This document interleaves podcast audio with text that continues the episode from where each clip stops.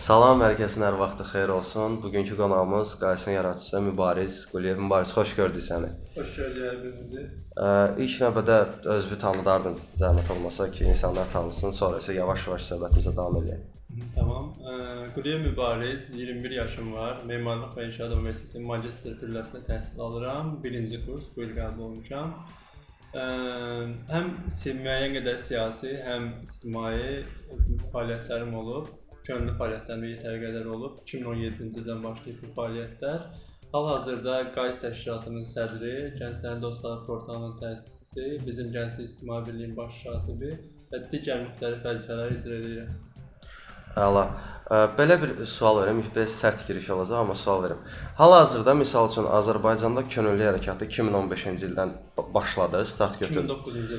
2000 yəni ən çox belə deyək də artıq vizual şəkildən hamının gördüyü bir dövr edirəm və 2019-2000-ci illərdə bu bir partlayış dövrünü yaşadı. Artıq bir çox universitetin 1-ci kurs, 2-ci kurs tələbələri müxtəlif təşkilatlara üzv oldu. TGT, bir könüllü və sair və ilaxır. Sadəcə bu təşkilatlar müəyyən müddətdən sonra artıq belə deyim də şablonlaşdı.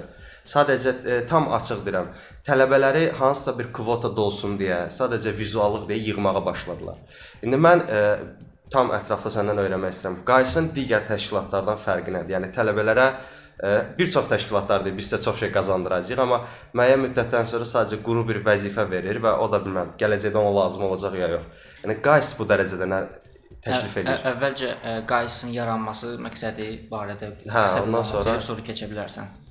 Qays 2019-cu ilin 13 sentyabrında təsis edilib. İlk başlayanda fəaliyyətə idarə heyəti 18 nəfərdən təşkil olunmuşdu. Ə, Hal-hazırda o idarə heyətindən bir neçə nəfər qalıb və müəyyən müddət sonra artıq 2 keçsinə görə 2-dən daha çox vaxt ə, idarə heyəti müxtəlif vaxtlarda yenidən qurulub.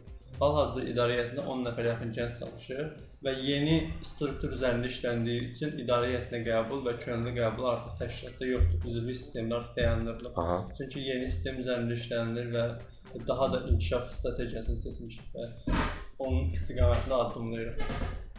Qaysı digərlərindən fərqlənən cəhətləri isə ə, təşkilat birbaşa olaraq özü öz hesabına fəaliyyət göstərir. Yəni hər hansı bir kənar dəstək yoxdur. Bu da çox əhəmiylidir. Nəyə görə? Gənclərin müxtəlif təşkilat daxilində, yəni müxtəlif vəzifələrə təyin edilməsi, onların karyera inkişafı birbaşa özlərindən asılıdır. Yəni sizə də məlumdur ki, digər böyük təşkilatlarda və yaxud qurumlarda hmm, gənclərin irəli çəkilməsi üçün öz imkanlarına əlavə kənar dəstək də lazımdır. Yəni bunu Lorda diləcə dayda edilir. Dayday və Amma- hansısa bir nazirlik, hansısa bir şirkət layihə Şirkət fərqi yoxdur. İstəyir yaxın bir qohumu olsun, dost olsun və s. Onun tövsiyə etməkdən əlavə tapşırmalıdır ki, bunu hər hansısa bir yerə çəkin. Yəni Bizim gün- uşaqlar falan tədbirə gəlirlər də hazır. Yəni bu günümüzün reallığıdır. Bunu heç kim dana bilməz. Amma bizdə ə, Vasif də fəaliyyət göstərir və ona da məlumdur ki, bizdə bu hallar yoxdur. Mhm. Hər kəs burada üz kimi başlayır, sonra könüllü olur və artıq əgər layiqdirsə, sadiq yox. Əgər Layiqdirsə. layiqdirsə, o digər vəzifələrə keçid edir. Əgər deyilsə, o da yerində də qalır və bu ona bildirilir. Yəni əsas üstünlüyü budur. Bir də ki, əgər həqiqətən də gənclər, yəni bizdə fəaliyyət göstərən gənclər özü istədiyi yerə layiqdirsə, biz onu hökmən dəyərləndiririk. Yəni onu kənara atmırıq. Və əsas da istismar məsələsi. Bəli. Gənclərin cəlb edilməsi və gəncləri könüllü fəaliyyətə yoran istismardır. Harasa cəlb edirlər, əslində o cəlb olunan yerlərə dövlət tərəfindən maliyyə ayrılır. Amma həmin gənclər pul qarşılığında yox, birbaşa könüllü fəaliyyət göstərirlər və o pul demək olar arada itir və o gənclərə verilmir o pullar. Bəli. Amma bizdə bu istismar halları yoxdur və gənclər öz iradələri hesabına fəaliyyət göstərir. Heç bir məcburiyyət yoxdur. Əgər sən istəyirsənsə burada fəaliyyət göstər, istəmirsənsə göstərməyə bilərsən. Təbii, bax ə, belə deyə də tam açıq danışaq. Əvvəlcə üzr istəyirəm. Hər dəfə bura əllərimizi vuranda bu çox ətraflı səs götürür deyə bum bum səs gəlir orada. O narahat edə bilər ə, qulaq asanlar. Ona görə çalışaq ki, əllərimizi Mən tutundurmayaq. gördüm, qoydum, qollarımı ağrıyor. Tamam. Davam edə Tamam, hə, bilərəm. sualın nə idi? Ə, belə deyim də, tam ə, açıq danışaq.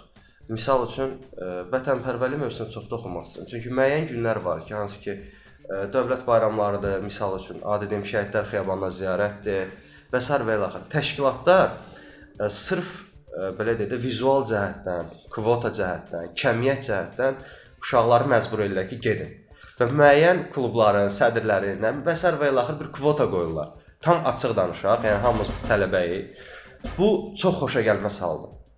Yəni bunun bununla bir mübarizə üsulu varmı? Yaxud dedin ki, bu tam iradə məsələsidir. Yəni buna görə digərlərdən dırnaq arası reytinqdə geri qalmaq, yaxud Qays daha zəifdir kimi hallar olurmu?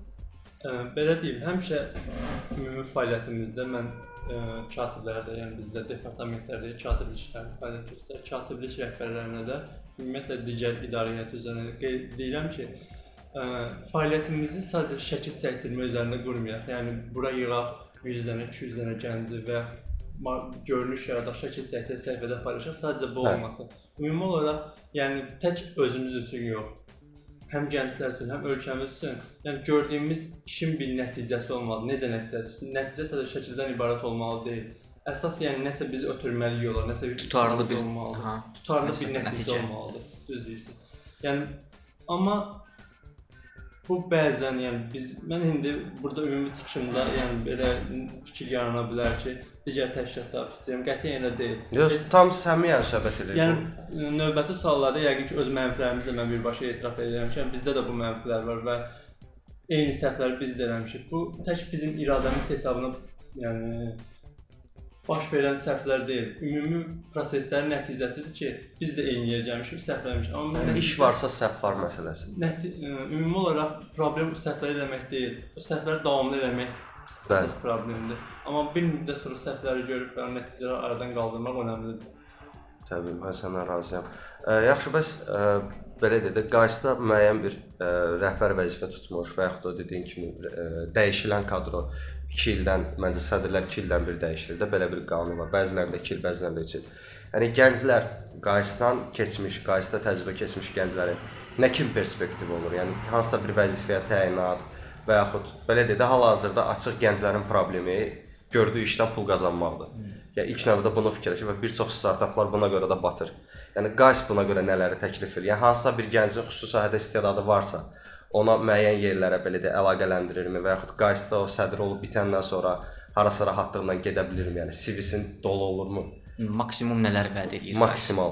Ə, deməli, təşkilatlardan birinin rəhbəri dostumuzdur. Bu yaxınlarda bir layihə eləyiblər və CV-ləri, gənclər CV-lərinə müraciət ediblər. O mənə yazdı ki, 3 gəncdən ikisinin CV-sində qayısı var. Yəni 2 il müddətində biz böyük bir kütlənin könüllü fəaliyyətinə imkan yarada bilmişik. Yəni bu hər bir öz, öz hesabımız oldu. Hal-hazırda qayısda fəaliyyət göstərənlərdən dövlət qurumlarına keçid edən yetərli qədər gənc var. Məsələn, Suraxanı gənc bizim katiblərimizdən biri bizim tövsiyəmizdən bu yaxınlarda Suraxanı gəncləri metodist kimi fəaliyyətə başladı. Sonra digər gəncimiz əvvəlcədə media mərkəzinin rəhbəri kimi çalışıb, ə, Gənclər İnkişafı Karyer Mərkəzində regionlar üzrə koordinator təyin olunub. Ha, əla. Yəni yetəri qədər gənclər hal-hazırda yadımda qalanlardır. Sonra ım, Aqrar İnkişaf könüllərinin PR meneceri bizdə də bizim ə, könüllümüz olub, yəni bizdən başlayıb. Yəni yetəri qədər müxtəlif yerlərə təyin olunmuş gənclər var, hətta digər təşkilatlarda keçirilmiş gənclər var. Yəni öz üzərində işləyən layiqli yerini alır. Əladır. Ümumiyyətlə olduğu yerdən asılı olmayaraq öz üzərində işləyən və çalışan hər bir gənc əminəm ki, bir gün layiq olduğu yerə çatır. Yəni Qays sırf gənclərin perspektivini açmaq üçün belə deyə də bir körpüdür onlara dəstək üçün. Yəni əladır. Vasif sən sualın varsa buyur ver. Mən elə çox oldu axı. mən Hə, verəcəm. yaxşı. Ə, əlavə bizim suallarımız var idi. WhatsApp silin. Yox, ölkədə gənclər sektorunun hansı vəziyyətdədir? Bu barədə məncə danışdıq qısa da olsa nəsə dedik. Qısa da olsa, amma biraz daha geniş vəziyyət danışa necə? biləməz. Ümumi təşkilatlar və sərvələr. Ümumiyyətlə hal-hazırda misal üçün də bu gənclərin təşkilatlara üzv olması, vəd verməkləri və s. Çox sənə belə bir şey var da. Getdim hə 2 il tədbirlərdə və s. və ilə axır axırda əldə heç nə yox, quru bir sertifikat var. Yəni əslində belə bir şeydir. Yəni özün də təsdiqləyirsən. Sertifikat əslində əvvəllər, yəni bu hər tədbirə görə verilməmişdən Hə. əvvəl çox önəm daşıyırdı, mahiyyət daşıyırdı. Yəni biz hansısa böyük bir tədbirə gedəndən sonra bizə sertifikat verildi. O ruslar demiş, blatı var idi o sertifikatın. İndi yəni onlayn bir kimlənsə təlimdə olursan, görüşdə olursan, sənə bir sertifikat verdilər. Ya o dərəcədə. Müəyyən qədər təşkilatların çoxluğu məncə bu gənclərə dəstək verən platformanın keyfiyyətini öldürür. Yəni mən narazıyam. Bilirsiniz, əvvəl sertifikatlar müəyyən qədər bizə dəstək olurdusa, hal-hazırda sadəcə stimul yaratmaq üçün verilir. Yəni heç bir önəmi yox. Səndə sadəcə stimul yaradır və sən başqa heç nə deyil. Heç baxmırlar sertifikatlara. Baxıram hardan verilir və kim verir. Təbii. Amma əvvəl belə idi ki, ölkədə təşkilatlar az idi. Məsələn, ilk yarananlar, yaranan təşkilatlardan biri Tələbə Gənclər Təşkilatı İttifaqı idi. Yəni böyük gənclər kütləsi də onun ətrafında formalaşmışdı. Nayora var idi məsələn, artıq illərdir ən birinci yaranan təşkilatlardan biridir. Şura da artıq. Yəni amma ora ə, birbaşa gənclərlə işləmir, gənclər təşkilatlarla işləyir. Sonra Asan Könüllülər Təşkilatı, yəni az idi. Təşkilatlar gəncləri seçirdi. Amma hal-hazırda yəni elədir ki, gənclər təşkilatları seçir. Aha. Yəni say qədər çoxdur ki, məsələn mən istəyirəm buranı istəmirəm, buranı istəyirəm. Amma əvvəl elə idi ki, gənclər təşkilatı deyir ki, mən bu gənci istəyirəm, bunu istəmirəm. Onda belə bir sual verim sənə ki, məsəl üçün hər hansı bir gənc niyə Qaysen seçsin səncə? Yəni bunun müxtəlif səbəbləri ola bilər. Mhm. İlk öncə burada yaradılan səmimi ortam ola bilər. Şahidiyəm. Sonra idarə edici şəxslərlə birbaşa əlaqəni rahatlıqla qurmalı o- ola bilər. Sonra karyera inkişafında onlara hər cürə hər cürə dəstək deməyim, resurslarımız daxilində gücümüz çatan bütün dəstəyi göstərmək ola bilər. Yəni bu kimi şeylər onlara əsas yəni səbəb olmalıdır. Çünki gedirlər məsələn digər hər hansısa bir təşkilata Orada rəhbər şəxslərlə, ümumiyyətlə onların karyera inkişafına dəstək olacaq şəxslər tapmaq, ünsiyyət qurmaq qismən çətindir. İndi Mən bütün təşkilatları görmüşəm. Yəni hamısında fəaliyyətim olub demək olar. Son yarananlar istisna, yəni 2019-da qədər yarananların hamısında fəaliyyətim olub. Amma ondan sonrakılar deyə bilmərəm, ona kimi rəhbər şəxslərlə əlaqə qurmaq biraz çətin idi. Və sən hə hətta onlardan ə, karyeranı irəliləm, karyeranı irəliləmək üçün dəstək almaqsan, bu daha da çətin idi. Yəni bir çoxları millət vəkili oldu, icra icra hakimi kimi təyin olundu. Yəni onlarla əlaqə qurmaq çox çətin idi. Amma bizdə elədir ki, yəni mən özüm də tələbəyəm, onların gənclərin içindən çıxmışam, hal-hazırda gənclərin. Hallarından anlayırsan. Yəni bilirəm də onlar nə istəyir və onlarla necə davranmaq lazımdır. Yəni əsas bunlardır. Hmm. Ə, və bir də mənim tez-tez qarşıma çıxır dost tanışlarım hansılar ki, heç bir könüllü təşkilatlarda, tutaq könüllü olaraq iş- iştirak edə biləcək təşkilatda iştirak eləməyib. Və səbəbini də soruşanda deyir ki, o mənə nə vəd eləyir ki, orada nə qazana bilərəm ki, ora gedib heç nə elə bilməyən insanlar var da, yəni ora getməklə mən vaxt itkisinə məruz qalıram. Ona gedib başqa bir iş görərəm. E, bu bu tip fikirləşən gənclər ə, çoxdur və nə dərəcədə haqlıdırlar mən hələ də onu yəni çözə bilməmişəm. Bu təşkilatlarla bağlı bir problem yoxsa insanların özü ilə, gənclərin özü ilə? Ə, bilirsiniz, məsələn, elə adamlar tanıyıram ki, hal-hazırda aktiv olan 15-ə yaxın demək olar çox böyük fəaliyyət olan təşkilatlar var. Demək olar hamısında var. Aha. Yəni bu özü çox böyük bir problemdir ki, bu gəncliyin hamısında var. Yəni bir Hə, təşkilat, təbii. məsələn 5 dənəsi gənclər təşkilatı, bu biri təmin edə bilmirmi? O gedib digərlərinə iştirak edir. Bu ən böyük problemdir. 15 dənə gənclər təşkilatında olan 10 dənə, 5 dənə gənclər təşkilatında olan bir gəncdə inanmıram ki, hansısa bir gənclər təşkilatı nümayəndələri obyektiv onun haqqında qərar çıxarsın və onu hansı irəli çəksin.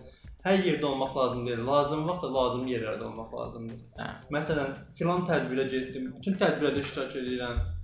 Bütün təşkilatlarda varam. Bu sən aktiv olmalı demək deyil. Sən artıq hər yerdə iştirak edirsən və sən hamısı adi baxır yəni. Ki bu onsuz həmişə hazır bir kadrdır, həmişə gələcək bura. Bəli, o Amma çox pis bir fikirdir. Çox yəni hal-hazırda bu istiqamətdə gedən yetəri qədər gənc var. Amma çox səhv istiqamətdədirlər. Hə. Hə, o onların Çağırılan hər yerə getmək Hə, deyir şuur, məsələn. şuursuzca hər şeyə, hər yerdə iştirak eləməkdir. O, o tip gənclər də çoxdur, hətta mən Artıq- çox da əksinə olaraq. Kütləyə çevrilir bunlar. Yəni Hə. kütlə psixologiyasından irəliləyirlər və Belədir. kütlə psixologiyasından irəliləyən bir gənci, bir kadrı irəli çəkmək istəməz heç kim və hər hansısa bir şöhrətlərin onun üzərinə qoymaz. Bax, ə, belə bir şeydim də onun sualına uyğun. Sən bir də sual zəmsən. Hə, yadıma düşdü. Ə, gəlir gedir də set Hə, qarşıda. tamam. Bax, ə, deyir ya, misal üçün tələbələr çoxdur, tələbələr özü seçir. Müəyyən bir təşkilat yaransa, yaxud yaranan bu gənclər təşkilatlarının hansısa biri çox ciddi bir şəkildə belə deyək də kastinq keçirsə, müəyyən bir kateqoriya qoysa ki, biz ancaq limitli tələbə və kateqoriyaya uyğun tələbə qeyd edib keçirdə bilərik. Yəni bu məncə bir çox fikri dəyişə bilər. Çünki ə, belə bir şeydir. O artıq əl çatmaz olar müəyyən qədər. Yəni hər kəs salam əleykum, mən gəlmişəm, mən üzv olmaq istəyirəm deyə olmaz. Həm də o təşkilat ətrafında olan uşaqlara hər birinə diqqət göstərə bilər. Çünki sənin dediyin məsələ təşkilatın kütləsi nə qədər böyüdüsə, o uşaqlar orada müəyyən qədər itir batır. Uşağın hansısa bir öz kaprizi ola bilər. O insanlar var da tutalım öz istedadını göstərmək yaxud hansısa bir nəyisə bacar, daha üstün bacarır, o özünü göstərənlər, amma o kütlənin içində itib batır, sıxılır. Yəni məncə bir təşkilat olsa, yaxud hansısa bir təşkilat, yəni bütün belə deyək də daraltsa, çevrəni daraltsa, məncə bu gənclər üçün daha perspektivli. Həmçində belə bir fikir yaranır ki, ora gedirsənsə, elə bir təşkilata get ki, yəni orada nəsə itirməyəsən. Çünki ora gedəndə artıq sənin beynində bir şey olacaq ki, mən bura gedirəmsə, buranca seçilmişlər gəlir, mən uduzmayacağam. Yəni, amma hal-hazırda buna heç bir gənclər təşkilatları eləmir. Yəni mən mən biləni. Eləmirlər. Yəni Qays yarananda, yəni 2019-cu ildə mən ondan əvvəl başqa bir layihə ilə fəaliyyət göstərirdim. Mən deyəndə komanda vardı əlbəttə ki, amma Qays yaranan bir komanda deyil, orada olan şəxslər deyil. Yəni həqiqətən böyük bir boşluğu görüb o layihəni başlatmışdım və onun ardından o layihənin üzərində, o layihə hələ də qalır. Onun ardından təşkilatı yaratdıq. Yəni bu boşluqları görüb və doldurmağa çalışmışdım. Sən deyən prosesi də hal-hazırda qurulan yeni strukturda nəzərə almışıq. Aha. Yəni o təməl ə, proseslərdə nəzərə almışıq ki, elə bir şeylər də əlavə eləyək. Bilirsiniz, yəni davamlı olaraq bu gənc gəlir, o birinə tövsiyə edir ki, ki onların qəbul olması, irəliləməsi asanlaşdıqca təşkilat da adiləşir. Təbii, bax məsələ budur. Elə bilirlər ki, məsələn, biz gəldik burada bu addımı daha asan atdıq, hər yerdə belədir. Amma bir gün onu çıxarıb kənara qoyanda və başqa reallıqlarla üzləşəndə o artıq bir uçuruma düşür və oradan onun çıxması çox çətin olur. Yəni mən belə birini tanıyıram, onun irəliləməsi indi başqa bir yerdədir. İrəliləməsi çox asan olmuşdu. Amma bir müddət sonra oradan çıxartdılar və o qaldı havada da demək olar. Aha. Başqa yerdə irəliləyə bilmədi. Çünki orada çox asan olmuşdu. Nə qədər çətin əldə etsək bir şeyi, o qədər daha keyfiyyətli nəticə əldə olunur. Ə, bax, Vasif sənin sualın varsa mən sualı yaxşı etdim qardaş. Var mı sualın? Var, var, məndə Tamam, məndə də var çünki. Ya sən bunu ver sonra. mən Qurtarmır. Ə, Təşkilatlar daxilində belə bir şey var. Ə, Həmyaşıd insanlar, misal üçün, ə, Vasif tutalım mənim sədrimdir. Mən onunla eyni müddətdəyəm. Amma ə, bu bilmirəm nədir, iş təcrübəsidir, yoxsa hansısa bir kriteriyadır Ə, Vasif elə bir şərait yaradır ki, orada ə, belə deyək də, səmiyyət başqadır, ə, hörmətsizlik başqadır. Bir də görsən ki, misal üçün sədrin yanında onun ə, belə deyək də, əlinin altında, əlinin altında deməyim, yəni vəzifə zonadan aşağı olan, təbii bu dövlət strukturunda belədir. Tutalım, ə, kiçik məsləhətçi icra başçısının yanında durub hansısa bir zarafat eləyir ya da hansısa bir hərəkət eləyə bilməz. Yəni baxırsan ki, amma bu təşkilatdan adi bir vəzifə tutan, sadə bir könüllü elə bir hərəkət eləyir ki, yəni birbaşa sədr də onu deyə bilmir, müəyyən bir kütlənin içində olur. Yəni bu nizam intizam çox zəifdir mənə görə təşkilatlarda. Ə, ümumi olaraq bu həm təşkilatlarla bağlı olduğu qədər də insanın özündən asılıdır. Yəni məsələn, mən sədrəm, sən gəlirsən mənim yanımda elə bir şey eləyirsən tutaq ki. Onu sən özündə anlamalısan ki, ümumi kütləsi həm onu pis eləyir, həm özünü pis eləyir. Yəni bunu şəxslər özləri də anlamalıdır. Bizdə belə bir düşüncə tərzi var ki, nə problem varsa hamısı qurumlardadır tutaq ki. Amma biz cəmiyyət olaraq özümüz düşünmürük ki, bizim özümüzdə nə problemlər var görəsən. Həqiqətənmi bütün problemlər tutaq hər hansısa bir icra hakimiyyətindədir, ya hər hansısa bir nazirlikdədir. Yəni bunları biz düşünmürük, amma o dediyiniz təşkilatlarda olan boşluqlar o var. Bizdə də var idi məsələn. Amma bizdə də idi ki, mən birbaşa olaraq bu mühiti özüm yaradırdım ki, görüm hansı gənclərə daha çox imkan yaradanda hansı addımlar atırlar. Yəni onları müəyyən etmək üçün idi. İlin sonuna qədər, yəni biz tarix müəyyən etmişik ki, öz əlimizdə olan keyfiyyətli kadrları toplayaq və onların potensialını müəyyən etmişik, qiymətləndirək. O siz dediyiniz prosesdə ə, bu ə, seçimlərdə çox vacib bir şeydir. Bu insan biraz imkan yaradılan kimi özünü necə aparır? Təbii. Çünki biz onu göndərə bilərik hər hansısa bir layihələrə, eyni şeylər orada da baş verə bilər. Onun eləmək öz adına mənfi deyil, birbaşa bizim adımıza təmsil edir, simanızdır sizin orada. Jurnalın üz qabığıdır da o Yəni, təbii. Və yaranan klublarla bağlı sən buyur Vasif. Hə. Növbə. Ə, gənclər üçün hal-hazırda bir çox layihələr təşkil olunur bütün gənclər təşkilatlarında, həmçinin sizdə də ə, nə dərəcədə gərəkli, nə dərəcədə önəmli layihələrdir bunlar? Ham xəbərdarlıqda hansı layihələrdir? Nə dərəcədə gərəklidirlər və başqa alternativ hansı layihələr təklif edirsən ki, onlar həqiqətən də gənclər üçün faydalı olacaq? Məsələn, vətənpərvərliklə bağlı layihələr çox keçirilir. Hə, xüsusilə Amma- də şey Mən bunu əminliklə deməyim.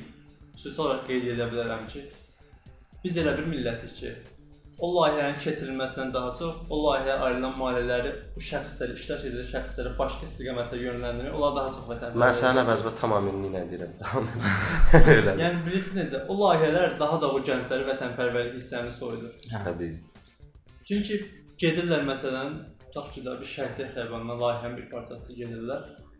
Məcbur bayraqlar verilərlərinə bu şəkillər orada paylaşın, girin rəy yazın falan filan. Bu kimi şeylər həqiqətən də gənclərə nəinki vətənpərvərlik, bütün dövlətlə bağlı, hakimiyyətlə bağlı. Tamam yanlış bir anlayış yaradır uşaqlar. istiqamət. Başqa istiqamətə. Vətənpərvərlik buymuş. Bayrağı tutduğum şəkildə çəkdim. Bəli. Bunun kimi anlayır. Bizim şeyin adını tağ edirsən də orada təşkilatın adı. Azərbaycan bayrağı yazılır. Hə, Məsələn, paylaşanda filan bir qurumdan, filan bir təşkilatdan getdik, ziyarət elədik oranı və s. Yəni bu kimi şeylər yəni biz ziyarətdə çox şişirdilməli deyil də. Yəni bu sizin tək vəzifə öhdələriniz yox, həm də vicdan borcunuzdur ki, ola ziyarət eləməlisiniz Təbii. təbii ki. Bunu bütün mediada yayırlar ki, məsələn, getdi şəhətdə xəbərdə bunu elədik, onu elədik. Yəni Rəqəmlər. Belə vətəndaş kimi borcumuzdur yəni biz o insanları belə dedi yad eləməm. Tamam bir dəfə gedərsən, paylaşarsan ki, tamam. Bax hamı onda e, qalma e, cəmaatdan dala məsələ, amma hər dəfə və belə pis bir şey var ki, yəni arada bir layihə olmayanda təşkil, yəni heç nə yoxdur da. Niyə niyə gedə bir dənə, yəni düz bəlkə bu cümlə biz insanlara pis kim pis gələ bilər. Heç nə yoxdur gedə şəhidləri ziyarət eləyib paylaşmağa material alsın. Onsuz da cəmaat bəyənəcək. 200 manata Hə. belə əkilan büdcə Hə. cəmaət edərsiniz. Yəni bax məsələ bax pis tərəfi budur bax. Hə, Heç nə şəhidlər yoxdur gedək ziyarət eləyək. Şəhidlər Nədir xiyabana bizdə getməyi İran və səslənsə də amma budur da yəni məsələ. Şəhidlik xəbərinin oyunlarına bir parça kimi istifadə edirlər. Yəni məsələ də odur. deyil. Özdə kütləvi layihələrdə bu balaca məktəb uşaqları gətirilir qızlara. Ana yurdum, ana vətən əllərini belə verirlər. Bunlar hamısı standart şeylər. Uşaqlar bilirlər ki, belə də olmalıdır. Uşaqlar bilmirlər, müəllimlər deyirlər ki, belə elə, belə elə. Hara gedir bu anlamda? Çünki o bir növ müəllimlərdən də çox şanslıdır. Müəllim də onu yaradıcı qura bilər. Hə, Müəllim təbii, müəllim deyir ki, hə, saat 4-də dağılır, 6-da da mənim toyum var, 5-də gedim parkmaxıra. müəllimə də yuxarıdan elə deyirlər. Da Yaxşı, bəs səncə bu cəmiyyətə lazımlı layihə kimi nə lazımdır yəni? layihə kimi ümumi Yəni, deyək, layihə biraz yəni- konkret olur. Hə. Ümumi deyə bilərik ki, hansı ə, yöndə ə, dəstək olunmalıdır uşaqlara və hansı Məsəl üçün biz danışırıq ki, Layihə. bu yön səhvdir, o qədər də şişiririk falan. Bəs yaxşı Yəni düz yönü- vətənpərvərliyi necə daha doğru türə bilərik? Vətənpərvərlik ilk öncə cəmiyyətin yüksək inkişaf xəttinə keçirilməsi üçün cəmiyyətin siyasi bilikləri artırılmalıdır. Aha.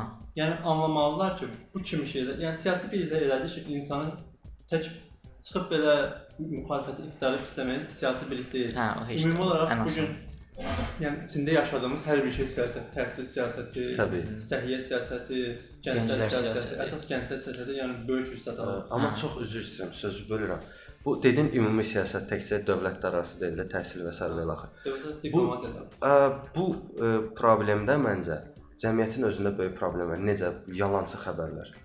Ki, ay, nə bilim, məktəblər bağlanacaq. Yəni hər şeyə təsir eləyirlər. Yox, dərslər dəyişiləcək, bütün bir şey. Yəni Təhsil Nazirliyi qalır qıraqda, hansısa məhəllədəki bir dənə Südabə xalanın sözünə inanır. 4000 nəfərlik məktəb başlayır ki, bütün o həyəcan keçirməyə ki, nə bilim, dərs sistemini dəyişəcəklər və s. və ilaxır. Bu artıq mətbuatla bağlı bir şey. Mətbuatı məncə biraz də- silkələmək lazımdır bu barədə. Də ki, Xəbərdarlıq barəsində. Ə, mən bu yeməyi qarşına qoyuram da. Sən yeməyə bilərsən. Təbii. Amma xalq görsün necə yeyir onları. 100%. Bunun əsas nəticəsi siyasi biliyin aşağı olmasıdır. Həddindən artıq aşağı səviyyədə olmasıdır. Sən əgər siyasi biliklərin yetəri qədər olsa, sən anlayarsan ki, bu mümkün deyil də. Məsələn, bir neçə gün qabaq kütlə paylaşır ki, Azərbaycan Zəngəzur alıb. Amma Zəngəzur 7 rayondan ibarət. Yəni onun 3-ü bizdədir, 4-ü ermənilərdə. Yəni 4 dənə rayon necə ola bilər bir gecədə sən ala bilərsən? Yəni bu nə qədər reallıqdan uzaqdır. Bu, yəni əsas siyasi biliklərin aşağı olmasıdır. Mən təklif eləmişdim ki, müəyyən qədər məktəbdə və ardı bütün ixtisaslar üzrə siyasi təməl siyasi biliklər tədris olunmalıdır. Gözəl. Yəni bu çox möhtəşəm bir şeydir ki, siyasi bilinəsən tarix var. Hər şey hər bir şey var da. Sən elə bil ki, ölkənin müəyyən qədər tarixini öyrənsən, müəyyən qədər apardığı siyasət, siyasəti öyrənsən, ölkəndə baş verən siyasi prosesləri artıq görsən ki, nələr baş verir, dünyada nələr baş verir. Vətən müharibəsində ondan əvvəl biz təşkilat yaranandan qısa müddət sonra artıq informasiya müharibəsində əsas yəni aparıcı təşkilatlardan biri olduq. Təbii. İyul döyüşlərində və Vətən müharibəsində də ermənilər bizim haqqımızda məqalə dərcələmişdi. Medium.com-da yəqin tanıyarsınız, Amerikanın Aha. məşhur platformalarından biridir. Yəni orada məqalə dərəcələmişlər. Yəni siyasi biliklər burada da çox böyük önəm kəsb edir ki, biz düşməni hansı tərəfdən vura bilərik. Yəni normal cəmiyyətin yetişdirilməsi üçün təşkilatlanma əsasdır. Bunun üçün siyasi biliklər önəmlidir. Bir dənə fikir verin. Hər hansısa bir layihə keçirilir, hər hansısa bir təşəbbüs irəli sürülür. Hamısını müəyyən bir nazirlik eləyir, müəyyən bir qurumlar eləyir. Məsələn, siz ha bu layihəni təşkil etsəz, çox azdır sizin kimi gəlsə, şəxsi təşəbbüslə irəli çıxanlar və müəyyən bir işlər görünür. Çünki təşkilatlanma zəifdir ölkədə. Yəni şəxslər yığılıb bir yerdə nəsə iş görmək istəmirlər. Biri söz deyir, onun sözü digərinin boğazından keçmir. Aha. Aha. Və bu məqamlarda aralarında konflikt yaranır və müəyyən. Kollektivlə işləmə bacarıqları zəif olan insanlar bir yerə gələndə zaten elə olur. Amma həqiqətən siyasi bilikləri yetər qədər olan insanlar bu kimi şeylərə getmir. Amma bir o dediyin təklif də biraz təhlükəli təklifdir. Çünki belə deyək də, o məktəblərdə siyasi tədris o hansısa bir belə deyək də bir bozbaş müəllimin əlinə düşsə, yəni Təbii ki. 30 nəfərlik bir kütləni məhv eləyəcək və 30 nəfərlik kütlə cəmiyyət arasında düşün nə qədər şayə yaya bilər. Deyir, cəmiyyəti kör eləyəcək iki peşə sahibi var. Biri həkimdir, biri də müəllimdir. Təbii. Amma əgər etibar edəcək kadrlar yoxdursa, yəni müəllimlər yoxdursa, ilk öncə bu müəllimləri yetişdirmək lazımdır. Təbii. Amma ölkədə məncə yetəri qədər onu tə tədris edəcək şəxslər var. Sadəcə o şəxsləri belə deyim, Tapıb Şəxsən- məsələ. kənara atmaq lazım deyil. Dəyər verən yoxdur. Ona görə o, o şəxslər də o işi eləməkdə necə deyim belə həvəsdən düşür. Məsəl üçün eləmək istəyirlər, amma ona heç kim fikir vermir. O şəxs da istər-istəməz fikirləşir ki, amma nə heç kim fikir vermirsə mən bunu niyə eləyim? Yəni bu olmamalıdır. Bax bu barədə bir fikrim var. Ə, misal üçün də ə, pensiyaya çıxmış biz deyirik də, təqaüdə çıxmış şəxslər, dövlət yüksək vəzifəli insanlar tanıyıram, hansı ki, fövqəladadan, D- DTX-dan və sair və ilaxır. Bu insanlar müəyyən müddətdən sonra belə deyək də, o pensiyaya çıxandan sonra otururlar, ümumi məlumatlara baxırlar. Halbuki bu insanların həqiqətən gəlin boynumuza alaq ki, böyük siyasi görüşləri var. Və bu insanlar uşaqlara, yəni bu işin içindən çıxmır. Düzgün təbii ki, müəyyən şeyləri zaten danışmayacaqlar, istəsəz də danışmayacaqlar.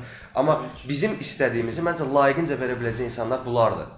Çünki bu insanlar, yəni dövlətə müəyyən bir müddət xidmət eləyir və bunun gəncliyini də məncə gözəl bir şəkildə xidmət eləyər. Ki va- vaxtı ki yüksək vəzifə tutub, bütün siyasi prosesləri bilir. Azərbaycan siyasi məqsədi, istiqaməti nədir?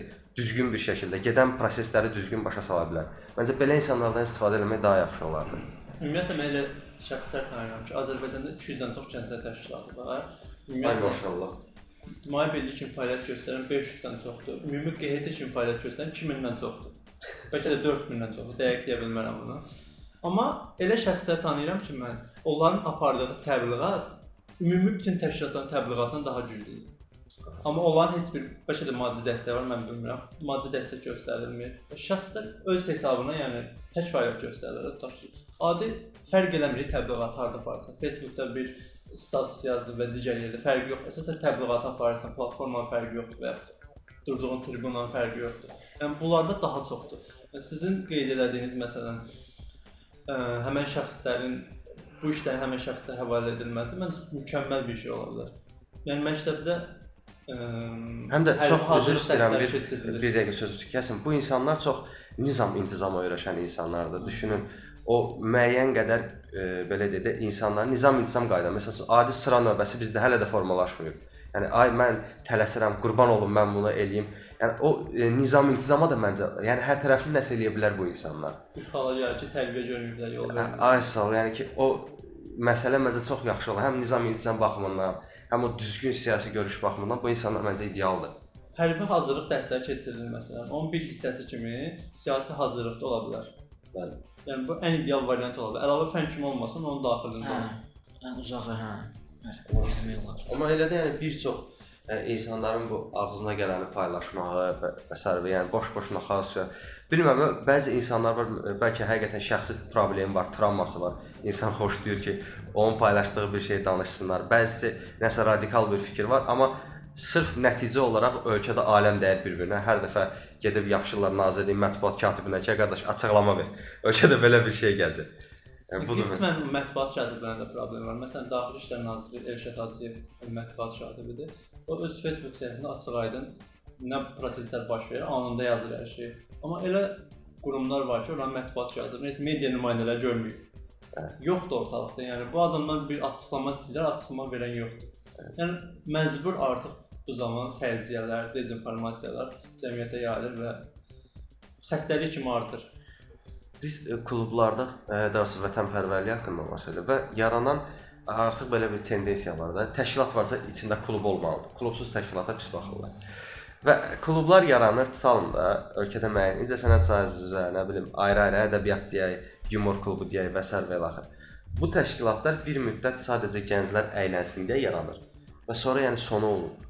E, sadəcə sonra hə bağlanır, 2 nəfər, 3 nəfər qalır. Bu klubu götürüb qatırlar ona, onun 50 yaşını, 50 yaşını, 50 yaşını, 50 yaşını. Yəni bu ümumiyyətlə tək vətənpərvər, təbii ki, vətənpərvərlik ümumi bir mövzudur və bir insanın ə, vətənpərvərlik hissləri yüksəkdirsə, məncə bir çox sahədə vətənə xidmət edə bilər. Amma digər sahələr də bizə lazımdır. İncəsənət də bizə lazımdır, idman da lazımdır. Sadəcə yəni ad olsun deyə bizim də idman klubumuz var. Bizim də ə, Şənhazır Cavablar klubu deyilir də, daha çox adları qoyulur. Klubumuz var. Bu da yəni düzgün bir şeydir. Məsəl üçün ə, belə deyim də, öz universitetimdə yarandı Şənhazır Cavablar klubu. Birinci tamaşanı göstərmədən bağlandı. Halbuki ə, hazırlamışdıq. Ay tədbir var, belədir, elədir. Deməli sən bunu həqiqətən istəmirsən ki, bu uşaqlar yaransın və s. və ilə axır. Ad üçün eləmək istəyirdi və fiaskoya uğradı, dağıldı. Yəni o, o məsələdir. Hə, deməli, Və uşaqların hissləri ilə oynayırlar. Sonra uşaqlar hansısa, yəni bəlkə də ə, başqa bir yerdə tutalım. Səsim normaldır bəs. Hə, düşür. Hə. Hə. Bəlkə də tutalım hansısa bir təşkilatda həqiqətən də perspektivi olan bir tutalım yumor klubu yaranır. Uşaq getmir. Deyirəm burada belədirsə, yəni gedəcəm orada da eyni şey olacaq. Yəni sən bir düşüncəni məhv edirsən o yaradıb klubu bağlamaqla. Yəni atılan hər bir qeyri-peşəkar addım gələcəkdə atılacaq peşəkar addımdan çox təsir edir. Yəni bu gün sən bilmədən elə ad üçün nəyisə yaratmısan və uğursuz olubsa, səndən sonra kim yaratsa, yəni onun adını yenidən bərpa edir. Artıq sən ona müəyyən bir ad qazandırmısan. Digərlərin daha peşəkarların gəlib onun adı qazandırması daha çox səy tələb edir. Təbii, lazım. Adi təşkilat yaratmaq. Yəni biz yaratmışdıq. O qədər rəylərdə yazan var idi ki, bunlar da onlar kimi olacaq falan. Ancaq tapşırmaq, day-day, nə bilim özünkülər qabağa Bizim ölkədə çəkmək. dayda yoxdur. Amma təşkilatda təşkilatda, yəni vasitə görə mən bir dənə qohumum yoxdur. Yəni ümumiyyətlə də Onu gətirmədin. Bacı oğlunuz adı gətirmədin qoy. Day nə o nə təşkilat oldu da? Onda yaxşı təşkilat deyil. Qınıyırıq. Yəni bizdə belə bir şey var da biz zavod tikir, gətirir biri birisi oğlunu qoyur, birisi xalası oğlunu. Elə olmalıdır da qardaş. Dədə babadan belə görmüşük. 3 il 5 il sonra zavod çəkdi. Sumqayıtda da bir sürü zavod var. Yəni Düzdür. adlarını çəkməyim daha indi hansı zavodlardır. Sumqayıtlar qulaq asırsa biləcək hansı zavod. Amma yəni elə çökdürmüş o qədər zavod var ki, hazırda. Tutaq ki, adi qurumlar özləri də gətirib, yəni qoyun otarası birini də tutaq ki, gətirib qoyurlar havura. Hə, yerdən başa deyirəm bunu. Bilsən necə? Vəzifəyə gətirilən insanlar bir problem olur. Tamam, sən hansısa bir vəzifə e, təyin ediblərsə, sən lidersənsə, sən təkcə onu deməmisən, hə, bunu götürün burdan bura qoyun, filan tədbiri keçirin. Sən axtarıb ətrafında, hətta ətrafından kənar radiusda tapmalısan ki, hər vəzifənin layiqli yeri kimdir. Yoxsa sən bunun üçün öz vəziyyət vermirsən, deyirsən hə, bacı oğludur, gəlsin bir 5-10 gün yola versin, taparıq. Biz qoş eləyərik. Bacı oğlu da oturur orada 15 il, ücə kresloya keçir. Sən sən başqa yerə təyin elə, sən də bacı oğlunu götürüb kreslosuna bir yerdə aparsan özünün dalınca. Hə. Yəni liderlərdə bu problem var. Hə, deməli bir nəfər var. Yəni dövlət qurumlarının birində çalışır. Mən buna irad kimi bildirdim ki, yəni gənclər sizə çatmaqda çətinlik çəkir. Əgər yəni Əlaqə baxımından. əlaqə baxımından. O da bildirdi ki, biz yəni bütün yəni gənclərlə necə özümüzü çatdıra bilərik, özümüzü necə tanıda bilərik. Yəni ona sadəcə bir təklif edirəm. Əgər ümumi olaraq siz gənclərə çata bilmirsinizsə, elə imkan yaradır, gənclər sizə çatsın. Yəni o mühit formalaşdırılmalı, tək gənclər sektorunda yox, ümumi olaraq bütün dövlət qurumlarında. Əgər siz vətəndaşın hamısına çata bilmirsinizsə, bir tutaq icra hakimi olaraq, bir nazir olaraq, elə deməz ki, onlar sizə çata bilsinlər. Mən. Məsələn, nazir bir dənədir. Hər hansısa bir qurumun rəhbəri bir dənədir. Nə olsun ki, nə qədər məşğul. Əsas yəni rəhbər çatmalıdır da şəxslərə, cəmaətin içində olmalıdır. Yəni bu çatmayanda şəffaf mühit formalaşdırılmalıdır ki, arada 5-10 dənə köməkçidən keçib gəlmək yox. Hə. Bir dənə olsun maksimum ki, görüşlər təyin edilsin. Birbaşa çatsın və vətəndaş olsun, gənc olsun. Yəni fikrini bura buna bildirsin ki, bu təklifim var, bunu eləmək olar, bu iradlarım var və s. Yəni, bu kimi şeylər çox körpülərdə yox. Bir dənə körpülər keçirə çatmalıdır. Təbii. Amma ə, körpüyə çatmamışdan qabaq da insanlar həqiqətən belə deyək də sən gedib baş nazirdən soruşa bilməsən niyə yumurtanın qiyməti qalxır? Yəni belə sualla gələnməsən də bütün başçının otağındakı immunlo özündən soruşun görüm niyə yumurta bu qiymətədir. Biz insanlara yəni vacib məsələlərə görə Yəni müəyyən bir orqanlarda işləyən dostlarım var. Belə bir şey, yəni çox ciddi bir dövlət orqanıdır. Belə bir zəng gəlib. Alo, bala mən ə, nəvəmin adını dəyişmək istəyirəm. Niyə ay nənə? Quranda şey eləmişəm, adı ona düşmür. Yəni bunun üçün gəlib həmin yüksək vəzifəli adam yanına çıxmaq istəyir. Və cəmiyyət şey eləmək yəni maarifləndirmək lazımdır ki, əgər sən istəyirsənsə bu əlaqə güclü şəkildə qurulsun, lazımi, yəni mahiyyəti olan bir şeylər üçün sən yaxınlaşmalısın, yoxsa hər şey üçün yox. Bax ona görə dedim ki, məktəbdə və universitetdə siyasi tədrisin təşkil olunması Gərəklidir. siyasi bilik bayaq da qeyd etdim, tək bayaq saydıqlarım deyil, həm də dövlət idarəçiliyidir. Yəni bu şəxslər anlamalılar ki, biz əsas məsəl üçün təhsil nazirinin üstünə düşən hansı öhdəliklərdir tutaq ki, mən nə üçün ona müraciət edə bilərəm? Tutaq ki, Daxili İşlər Naziri hansı öhdəliklərə baxır, Dövlət Təhlükəsizliyi hansı öhdəliklərə baxır. Yəni bu kimi şeylər üçün arada bir şəxsin və ya iki şəxsin olmağına görə dedim ki, o kiçik məlumatları bölüşdürmək, kimlərə ötürmək, əsas məlumatları ona çatdırmaq. O çeşidləmə Bu şəxs prosesi də. olmalıdır. Yəni həqiqətən elə çeşidləmə olmalıdır ki, yumurtaya şey gəlir, başqa şey çıxmasın. Bəli. Tamam lazım. Məsəl. Ha. Məsələn, Hələlik məndə neytraldır. tədris metodu barədə danışırdıq. E, düzdür, hansı növ müəllimlərin gəlməsi lazım olduğunu danışdıq, amma ümumi tədris prosesinin hal-hazırda necədir vəziyyət? Məncə e, nə deyirlər, kurikulum deyirlər. Onu Kurikulum ləğv edədilər yoxsa necə? Hələ də qalır. Qalır, Adı var, də özü yoxdur. Hə, o- onu yəqin ki, heç də Və o söz hələ də tələffüz oluna bilmir. kurikulum. Kurikulum. Mən iki müəllimin dialoqunu eşitmişəm ki, müəlliməsi də kulikulu ilə keçirsiniz. Belə bir dia- dialoq hələ də. Bu dialoq varsa deməli Hə. adı var, özü yoxdur. Ə, və hər birimiz görürük ki, bu sistem nə dərəcədə məqsədə uyğun deyil. Nə təklif eləyirsən? Hansı tədris metodunu bizim xalq üçün uyğun olardı? Yəni belə bir şey var ki, hər bir xalq üçün ayrıca bir metod gərəkdir də, analiz olunmuş metod. Yoxsa ki, bizdə oradan götürürlər və o sonra tətbiq edirlər, amma yəni çox şey nəzərə alınmır da. Fəsadlarını sonra çəkirik. Hansı növ tədris metodlarını məsləhət görərdin? Ümumiyyətlə təhsil sahəsi bütün dünyada, bütün ölkələrdə ən çox söyülən sahələrdən biridir. Yəni elə bir ölkə göstərə bilməz ki, orada təhsil sahəsi möhtəşəm olsun, yəni çox az bir problem olsun. Hə, hər hətta birində var, hə, hə. hər birində problemlər həddindən artıq çoxdur. Yəni bizdə də belədir ki, o gün bir yazı yazmışdım. Deyirəm ki, əgər nəyisə icad edib ortalığa çıxara bilmirsinizsə, Çin variantına keçin. Kopyalayın, yapışdırın. Mhm. Yəni ən son variant budur da, yəni kopyalayıb yapışdırın. Amma bizdə deyirlər ki, məsələn, Avropadan nəsə götürürlər, eynisini gətirə bilmirlər. Belə bir yolda itirirlər o ideyaları. Avropa sayağı bir şey olur. Çin variantı da olmur da, bu yəni ondan Məsələn, daha aşağı başqa olur. bir şeydir. Hə. Orta şərq mix. Yəni elə bir Bir şey prosta sadə görünüşlə başqasını yox. Hə. İndi bu sistemlə ay, tələffüz eləməyim adını. O sistem gəldi Azərbaycanda demək olar uğursuz oldu. Hə. Amma əvvəlki sistem daha uğurlu idi. Yəni həmin o sistemin yetişdirdiyi kadrlar daha keyfiyyətli idi. Amma hal-hazırda Və kurikulum biz burada çürüyür. hal-hazırda tələbələrə baxsan, yəni ortalama bal aşağı, çox aşağı düşür. Bal önəmli deyil, amma ümumi olaraq bu təhsilin təsiridir. Onlara tədris olunan fənlərin və digər üsulların təsiridir ki, olan ümumi olaraq ballar aşağı düşür. Dərs yükü daha çox olur. Bir dənə bacım oğlu 4-cü Sən bacı oğlu da. 4-cü sinifə gedir. Yəni onun çantasını mən götürə bilmirəm demək olar. Hə. Məsələn. Onurğa ə, ə, stolun əyilməsi Yəni gətirib çıxarır. Beyni düzəltmək istəyirik, amma xəstə bir uşaq yetişdiririk. Bəli. Ümumiyyətlə təhsil sistemi hal-hazırda elə vəziyyət alıb ki, yəni başdan ayağa əzbərçi formadadır.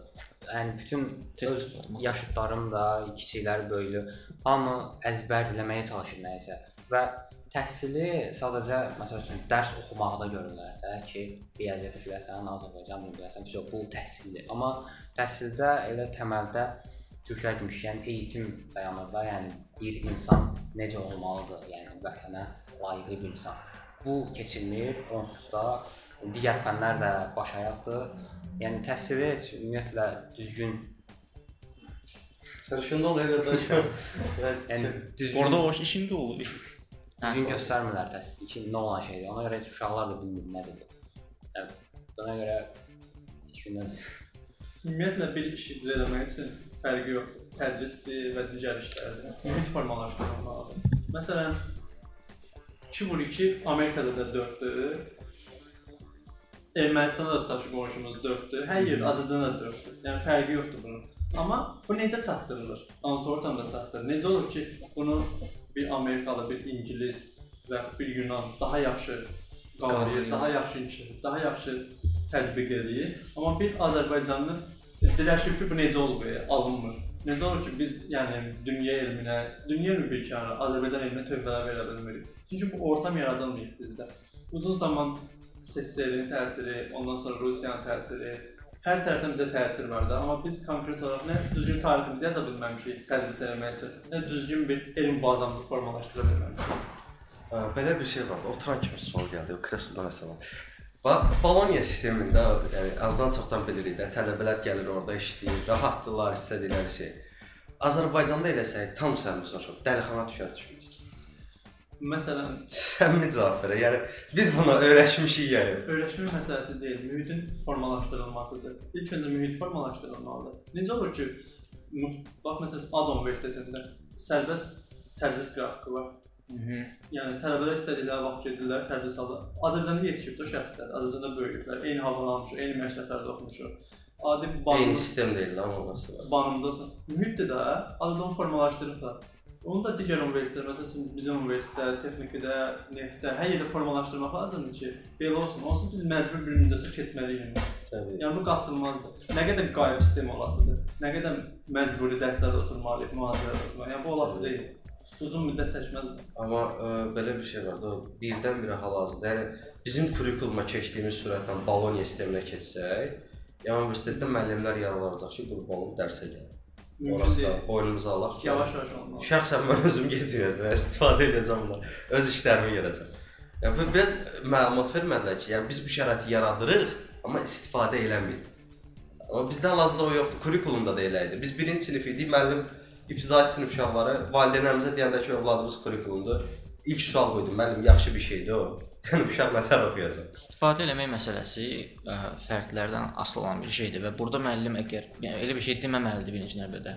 Ə, və Amma ki, olacaq da baş boynumuza alaq. Bu indi işin yumor tərəfidir mən dedim. daha doğrusu birinci, birinci növbədə olacaq. fərd özü onu eləyirsə, deməli ora uyğun adam deyil. Yəni istifadə eləyirsə, necə ki bizlərdə olur, təsadüfən düşür universitetə və təsadüfən nəsə eləyir orada, amma yola verir də bütün 4 kursu. Ə, bu adam ora Axırda da üzr istəyirəm. Həmin adam diplomu alır. İş yoxdur qardaş, Hə. iş yoxdur. Diplomla çöldə qalmışam. diplomum var. Sən 4 şeydə 4 ildə nə etmisən sən? Hə, bu bu fərdlərdən asılı olan bir şeydir ki, sən lazım olan yerdə deyilsən və günahı başqalarında görürsən. Təhsil sistemində, valideynlərdə, yəni digər böyüklərdə.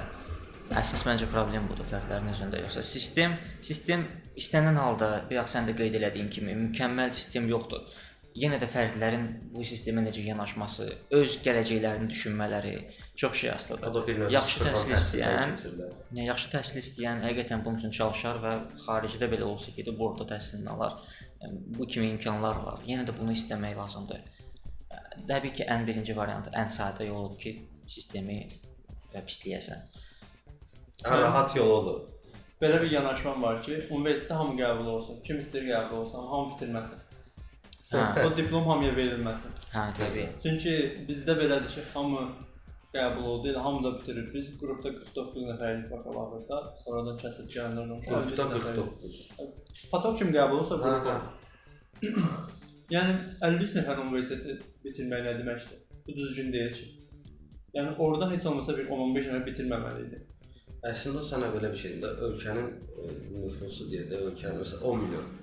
Türkiyədə məsəl üçün bir ixtisas üzrə 54 nəfərin bir ildə buraxılması belə problem yaradır. Orada belə yəni işsizlik var yəni. Adi bir ixtisasdan tam 50 nəfər bir ildə çıxıb və bu insanlar işləməlidir. Abud kimi gəlib 10 milyonluq Azərbaycana düşür. Və hamı da Bakıda qəşəng altında maşın, ofisdə, kostyumda bir iş istəyir. Düşünün 10 milyonluq bir əhali. Yəni məsələ odur. Ona görə biraz məncə azaltmaq lazımdır. Amma belə bir şey deyim. Bizdə bütün qurumlarda, bütün təşkilatlarda dövlət işlətən təbii ki, kadr çatışmamazlığı yetəri qədər var. Təbii, razı.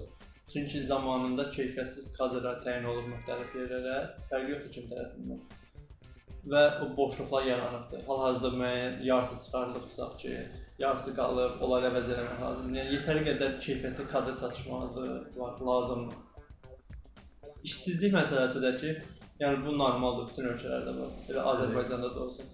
Amma yəni mən görməmişəm ki, keyfiyyətli kadrlar çöldə qalsın. ki. Təbii, yüz Bizdən əvvəlki eyni ixtisas üzrə, yəni mənim böyük hissəsi tanışlarımdır ixtisasım üzrə. Hal-hazırda ikinci kursda magistr təhsil alır, hamısı işləyir. Yəni fövqəladə hal üzrə hamısı işləyir. Çünki öyrəniblər uşaqlar, üzərində çalışıblar, ixtisas üzrə sertifikatlar alıblar. Yəni sən Oxfordda da yola versən, yəni orada da işsiz kimi qalacaqsan. Yəni. Küçədə falan əlində butulka ilə fırlanacaqsan. Mən səmimiyyətlə inanmıram bu uşaqların ki, diplom almışam, iş tapıram. Məni dəyərləndirən yox, inanmıram ona səmimiyyətlə. Yəni ən azından belə də mən hər il qabağıma çıxır ki, Sokat 2500 maaşa vakansiya ilə iş çatdı. 2500 manat. Azərbaycanda 2500 manat bir ailənin əməlli başlı dolanışığı. 3-4 ailənin, 5 ailənin 5 ailə saxla. O müəyyən kişilər 5 ailə saxlaya bilər. Yəni ki, adamlar hər il belə bir vakansiya verir. Çox başım var getdi. Əlimdə diplom var, başım var getdi. Təbii ki, o biraz bəhanədir. Amma bu tip imkanlar təkcə Sokarda yox, digər ə, Təbii, yəni mənim qabağıma çıxan elə yaxşı vakansiya verirəm də. Yəni, olsa yaxşı olar. Məncə. həqiqətən nə qədər tanıdığım insan var ki, yəni onun dayıda falan yoxdur da, öz hesablarına gedib yer tutublar. Təbii, hə. Yəni var yetər Hə, çox önəmli bir şeydir. Dayıda O- ya bu olmalı ya da həqiqətən dayıda olmalıdır. Hə, başqa. bu olsa lap yaxşı, çünki o biri dayda hər zaman olmayacaq. Dayda ölə bilər. Bu əgər həqiqətən sənin dayıdayınsa, yəni başın mütləq sənə istədiyini verməlidir. Heç kim sənin qabağını kəsə bilməz. Variantı yoxdur. Bu son olaraq sənin istədiyin yerə çatdırır. İstedad əvvəl axır üzə çıxır yəni. Yəni yəni. bir gün parlayır, onun qarşısına heç kim ala bilməz. O Bukovski haqqında oxumusan onun taliyi haqqında. Hə, oxumuşam hələ. Adam yəni ki, çox istedadlı olub. Sadəcə yəni qarşı 40 yaşından sonra tanınıb da. Yəni sadəcə qabağın kəsiblər, nə bilim, müəyyən şey iskiyə falan qoşan, amma 40 yaşından sonra həqiqətən sənəti sevdiyinə görə, istedaddan istifadə etdiyinə görə bu gün Birdən-birə Bukovski deyəndə, hə, birdən-birə ki, deyən falan kəs deyəndə ki, mən Bukovski oxumuşam desən, hə, bu nəsə var da başa düşdün, tamam istedadlar. yəni ki, adam var 40 yaşına kimi, yəni gözləyib müəyyən bir istedadsansa əvvəl axır üzə çıxacaqsan. Hə, bunun bir xüsusi müddəti yoxdur ki, 1 ilə, 5 ilə və s. ilə. Yəni istedadları bir daşın altında düzələn bir gül kimi düşünsək, bir gün daşı kimsə götürür və Bəli. çıxır oradan. Yəni orada qalır onsuz. Kök həmişə ordadır. Yəni razıyam səndən. Məsələn, Hə. 100 il sonra 1918-ci ildə necə ki o istedadlar parladı çıxdı cümhuriyyəti qurdu. Bəli. Yəni onlar deyirlər, məsəl üçün bir nəfərlə, iki nəfərlə heç olmur. Yəni onlar da 1-2 nəfər idilər. Bir-iki Məsələn, nəfər idilər. Bütün ölkəni onlar dəyişdirdilər. Hmm. O boyda e, sarı dağılandan sonra imperiyanın ortasında bir ölkə qurdular, dövlət qurdular. Təbii. Yəni, o Yəni da bir yəni olur. düzgün maariflənmə.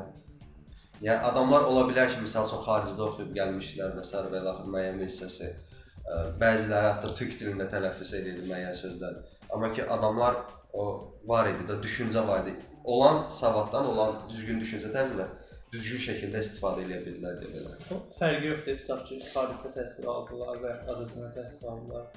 Xaricdə təhsil alıb gələn yüksək vəzifələr təyin olunan, sonra korrupsiya müxtəlif faktlarla çıxarılıb hələ içəri salınan yetər qədər şəxslər var. Yəni əsas milli düşüncədə olsun, milli ideologiyada olsun, onun heç xaricdə təhsil almağa ehtiyac yoxdur. Elə getsin tutaq ki, Azərbaycan ən sonuncu universitetində oxusun. Əgər onun dövlətçi ənənələri, milli ideologiyası yerində və sağlamdırsa, heç bir tərəfə əyilmirsə, məsələn, şimal tərəfimizə, cənub tərəfimizə, Aha. ora bura əyilmirsə, o həqiqətən keyfiyyətli və etibarlı kadrdır. O Təbii. ölkədə yetər qədər dəyişiklik edə bilər.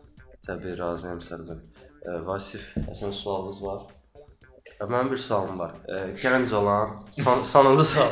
Yoxsa şeydədir, elə axırıncı sualığıdır. Buyur.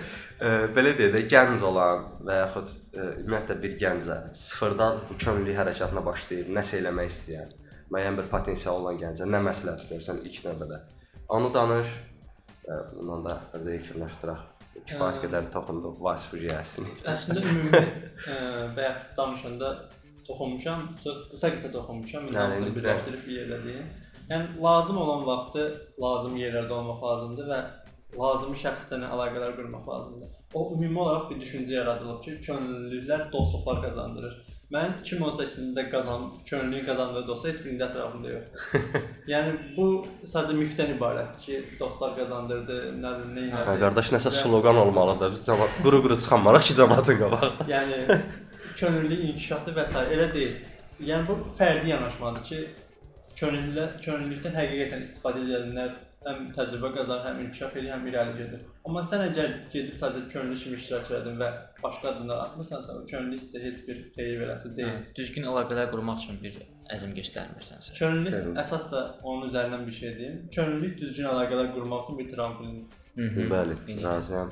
Və istedadını, potensialını doğru şəkildə qiymətləndirmək, doğru yerdə, doğru məkanda qiymətləndirmək lazımdır. Qısa müddətdə qaysda fəaliyyət göstərsəm də könüllü olaraq e, Reklamlar. yəni, elə yəni düşünürəm ki, az da olsa, amma yəni yaxşı insanlarla hələ də e, hansı ki əlaqəm var onlarla mübarizə daxil olmaqla güclü əlaqələr qura bildim. E, hal-hazırda mübarizə bura dəvət edə bilmişəmsə, o daim onunla əlaqəmi saxlaya bildiyimə görə Təbii. mümkün olub. Həmçinin digərləri ilə də var ağlımda yenə də qaysdan çağıracağım. Adını adını çəkə bilmədiyim hə, insanlar. adını bilmədiyimi. Hə, belə. Belə. Həsən sözün Sağ ol. Sağ olun. Uzun ömür, can sağ ol. Uzun ömür can sağ ol. Vasif sən. Heç nə. E, Heç bir şey nə Heç bir şey. Heç bir şey. Çox sağ ol mübariz gəldiyinə görə. Minnətdaram. O boyda yol düz deməli başlayan yol Hardan gəlirdi? anda deyək. Korolda görüşdük. Belə bura gəldik də. Yox, hardan şəhərdə qalır yoxsa necə? Üzündən soruşsa mən Hardan? Orada qalır. Hə, yox, mən Məşdağdan o fıranmışam. Hə. Məşdağdan, 5 dəqiqə. Mən uzaq yolla. Sən heç də vəbşə. Gənclər hər birinizə belə deyə təşəkkür edirik. Ümidvarıq ki, danışdığımız söhbətlərdən, elədiyimiz müzakirədən özünüzə bir pay götürə bildiniz. Niderlanddan qulaq asan Həqiqətən- onlara da salam. Həqiqətən Niderlandda qulaq asan var. yəni, yəni hə. Şey, Bu analizlərdə. ə, podkastda həqiqətən ya adamlar yəni nəyə qulaq Niderlandda asıblar? oturub dönər basa basa. Çox peçat söhbət eləyirlər. Sağ olun, özünüzə yaxşı baxın. Hələlik.